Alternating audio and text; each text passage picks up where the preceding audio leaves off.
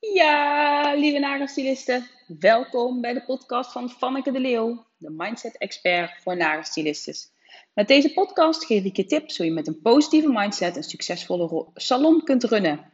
Let's go! Vandaag ga ik het met je hebben over het bewust omgaan met een natuurlijke nagel. Nou, je bent inmiddels van mij gewend dat ik het steeds heb over mindset, positief denken, omdenken, dankbaar zijn, enzovoorts, enzovoorts, enzovoorts. Nou, maar goed. En het, het is mijn waarheid, hè. Wat ik jullie ga vertellen, ga vertellen, sorry, hoeft niet jouw waarheid te zijn. Maar naar mijn mening luister je naar deze podcast als je bewust omgaat met je mindset, met je leven, met zelfontwikkeling. Van tijd tot tijd kritisch kijken naar jezelf en kijken waar je nog kunt leren. Nou, als je zo bewust in het leven staat, of in ieder geval heel graag steeds bewuster in het leven wilt staan, dan hangt dit voor mij hè, als nagelstyliste samen met bewust omgaan met de natuurlijke nagel. En dit is voor mij echt, echt een gevoelig onderwerp. Want ik erger me echt mateloos en ik vind het echt schrikbarend hoe nog heel veel nagelstylistes omgaan met de natuurlijke nagel. Joh, maakt niet uit. Groeit allemaal wel uit. Verkleuring van de nagel. Ach, geen idee wat het is. Zal wel meevallen. Veilen op de nagel. Wat maakt het uit? Nagelriemen wegknippen. Joh, het is maar dode huid. Wat maakt het uit? Nou, ik kan jou vertellen inmiddels. Um, het maakt heel veel uit. Echt heel veel. En voor degene die denken, ach, daar heb je weer zo iemand. Je zit hier te prediken dat je voorzichtig om moet gaan met de natuurlijke nagel. Ja, ja, ik ben zo'n doos.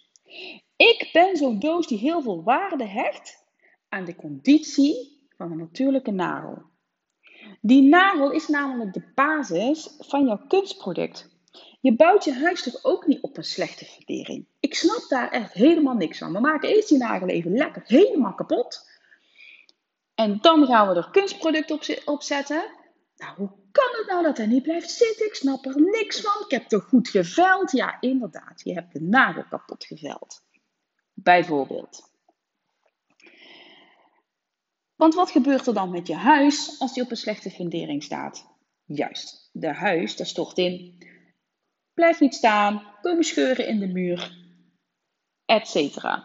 Je kunstproduct hecht dus ook niet op een beschadigde nagel. Er komt lucht onder, nagels breken af, enzovoorts. Nou, hoe vaak ik geen vragen op social media voorbij zie komen van nagelstylisten die totaal geen idee hebben wat er aan de hand is met een nagel. Ik schrik daar elke keer weer van. En als je dan als nagelstyliste met, uh, met kennis van anatomie en pathologie echt een heel oprecht, goed bedoeld advies durft te geven, dan ben je een rare. Hoe je soms als bewust, bewuste nagelstyliste met kennis van het vak, met kennis van de natuurlijke nagel, compleet naar de grond gelijk wordt gemaakt als je een oprecht, welgemeend, goed bedoeld advies geeft op social media. Heel vaak neem ik niet eens meer de moeite om te reageren. En dat is zo ontzettend jammer. Hoezo zou je geen kunstproduct plaatsen als een nagel helemaal van boven tot onder ingescheurd is?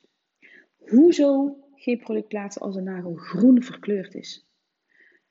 Er wordt heel vaak geredeneerd.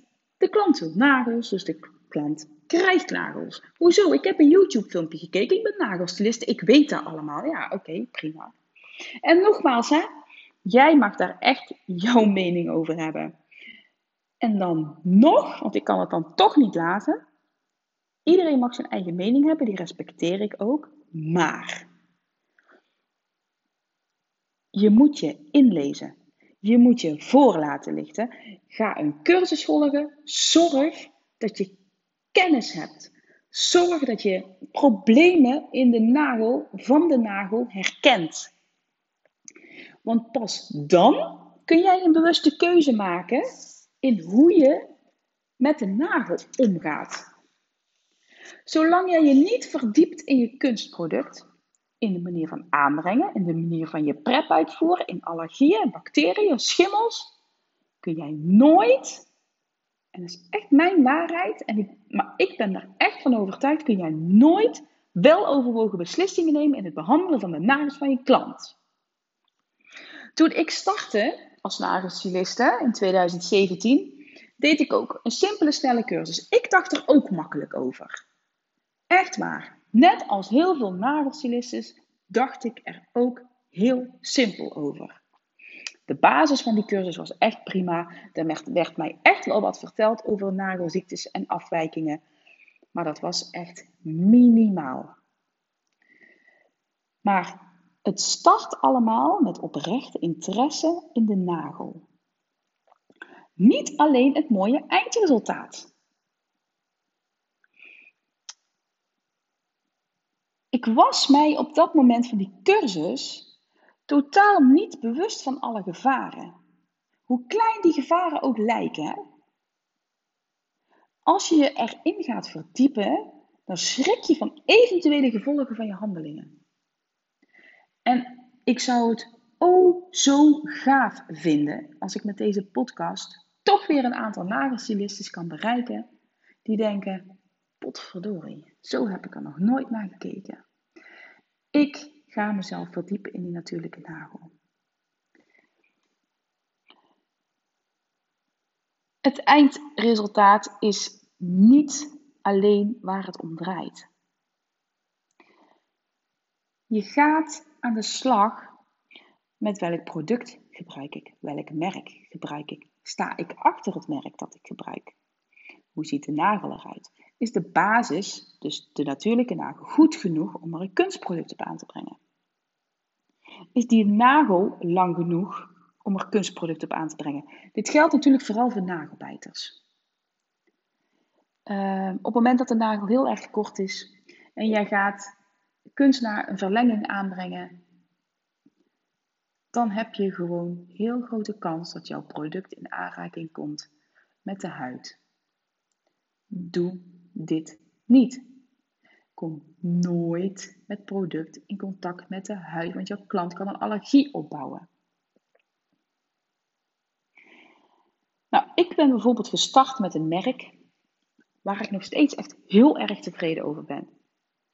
Maar op het moment dat ik contact opneem met mijn groothandel en uh, vraag naar een SDS-sheet, en een SDS-sheet, voor degenen die het niet weten, dat uh, is een lijst van een product waar alles op staat wat eventueel een allergie kan veroorzaken. Dus alle ingrediënten, zo, acrylaten en dergelijke, staan erop die een allergie kunnen veroorzaken. Als ik die SDS-sheet opvraag, en dat heb ik al een paar keer gedaan, omdat ik gewoon wil weten welke acrylaten bij dit merk gebruikt worden, dan krijg ik die niet. En dan ben ik misschien achterdochtig, maar dan ga ik toch twijfelen. Want wat heb je dan te verbergen als merk als je niet die SDS-sheets op wilt sturen?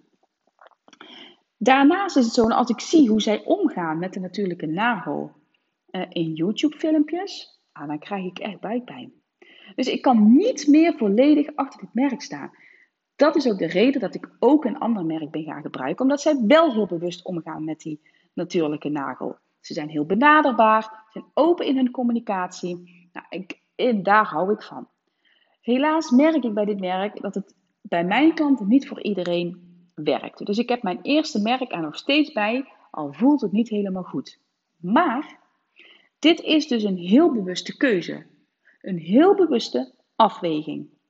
En daar gaat het mij om in deze podcast. Als jij de keuze maakt om nog eens flink te veilen op de nagel van je klant, doe dit dan omdat het een bewuste keuze van je is. En niet omdat je dit ooit hebt geleerd en het wel zo zal horen.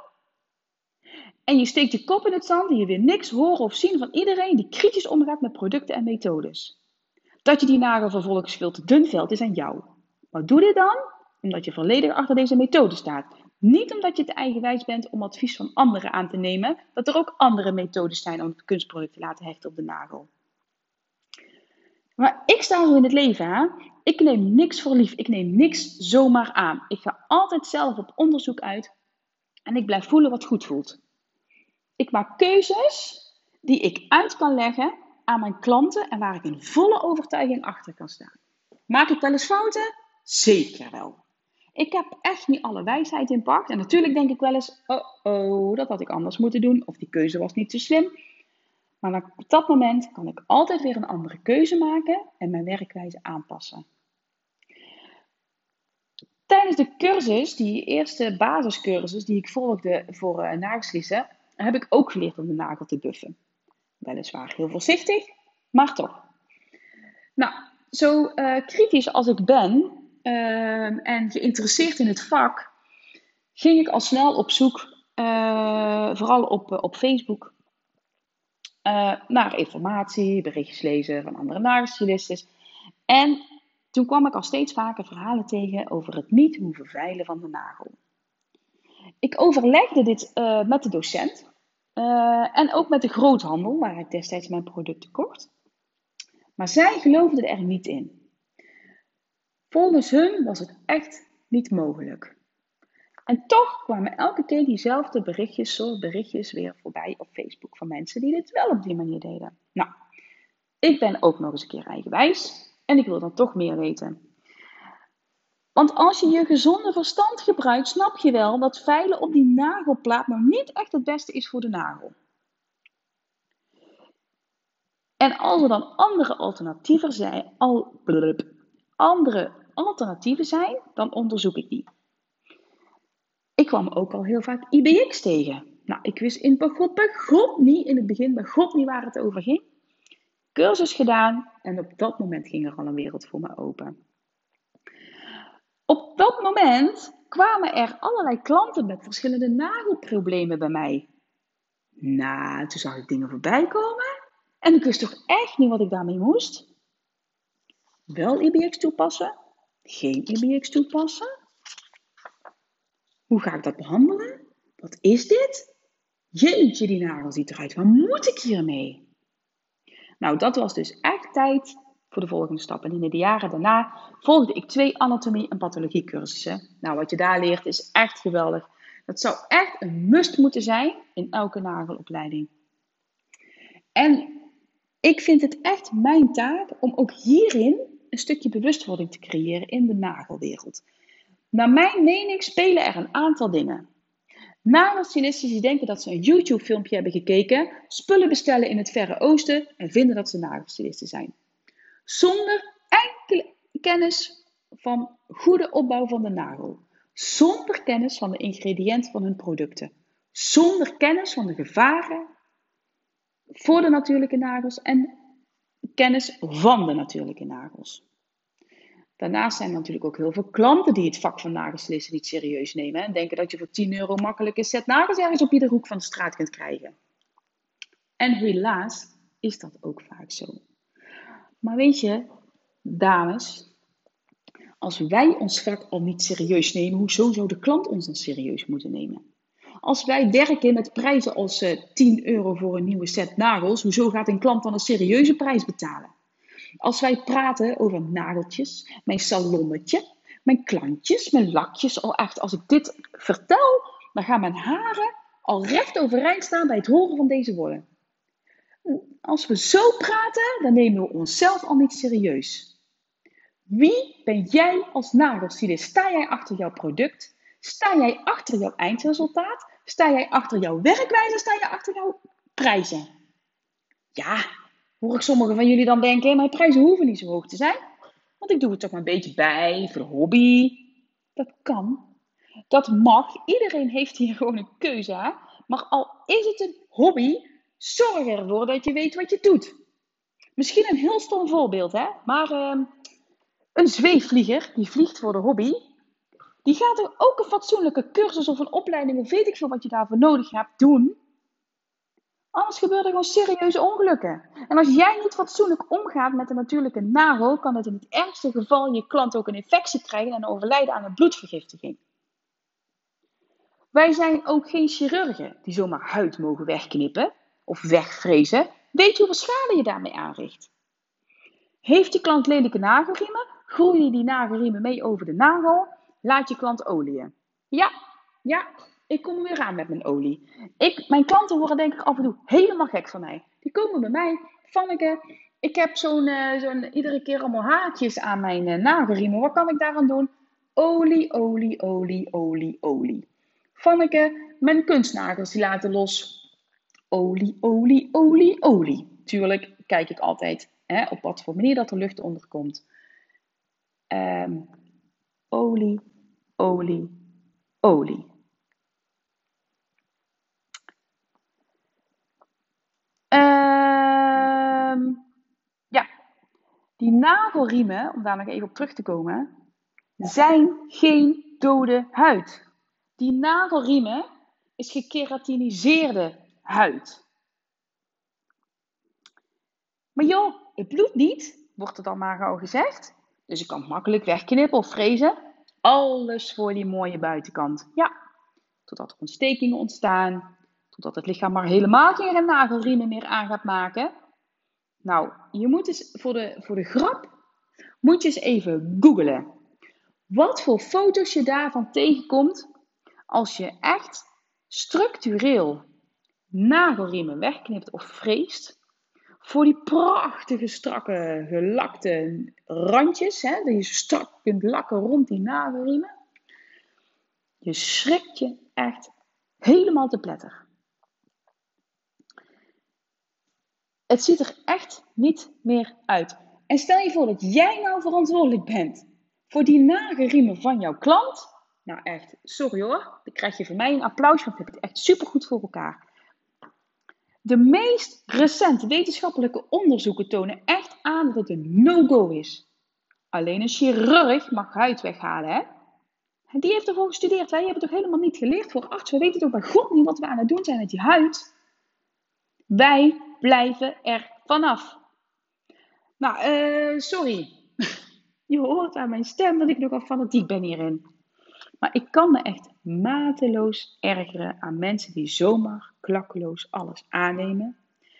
En zelf niet logisch nadenken, niet eens een andere mening, methode of onderzoeken in overweging willen nemen, omdat ze het allemaal afdoen als onzin, omdat ze niet logisch en bewust na willen denken. Puur omdat het gros nou eenmaal zo denkt. Ik heb een keer een perfectietraining gedaan bij de groothandel waar ik regelmatig producten kocht. Ik kwam daar en uh, ik moest mijn, uh, mijn prep uit gaan voeren bij mijn, uh, bij mijn model wat ik had meegenomen. Um, maar de docent van die dag die ging mij wel even leren hoe ik met mijn vrees en met welke bitjes, dat ging ze mij wel even voordoen, hoe ik die nagelriem dan weg moest gaan frezen. Nou, het is dat ik zat maar mijn broek zakte echt bijna af. Ik heb geweigerd op dat moment. Ik ging dat niet doen. Dat werd me niet een dank afgenomen. Want uh, ja, als jij dat zo doet, ja, dan blijft het echt nooit zitten. Fijn op de nagel? Nee, ja, dan moet je wel. Nee, dat doe ik niet. Ik heb daar een andere methode voor. Ik doe dat niet. Maar dat werkt toch niet. Ik kreeg echt een blik toegeworpen nou, daar lusten de honden geen brood van. Maar weet je, ik was zo trots op mezelf. Ik ben echt geen held, hè? Ik ben een held om dit zo in te spreken, dan durf ik dat. Maar om tegen iemand die meer kennis heeft van het nagelvak uh, te vertellen dat ik iets niet doe wat, waarvan zij vindt dat ik het moet doen. Dat is voor mij echt een hele grote stap. Maar ik was me een partij trots op mezelf. Het was echt, echt een overwinning. Ik sta achter mijn werkwijze en ik ga heel bewust om met mijn vak. Ik neem mezelf, mijn werk, mijn bedrijf en de natuurlijke nagel echt super, super serieus. En ik hoop met deze podcast ook weer een stukje bewustwording te brengen in ons vakgebied. het is zo jammer dat er bijvoorbeeld ook geen fatsoenlijke branchevereniging is. En ja, misschien is het wel gevaarlijk om dit gewoon zo hardop te zeggen in een podcast. Maar alleen al daardoor wordt de illusie gewekt dat het geen echt vak is. Dat er maar wat gedaan mag worden, dat het allemaal oké is. Het is niet oké. Echt niet. Maar echt, ik ben niet tegen iemand, hè. Geloof me, ik respecteer iedereen zijn mening, maar zorg dat je je goed inleest. Dat je weet wat je doet, zodat je bewuste keuzes maakt.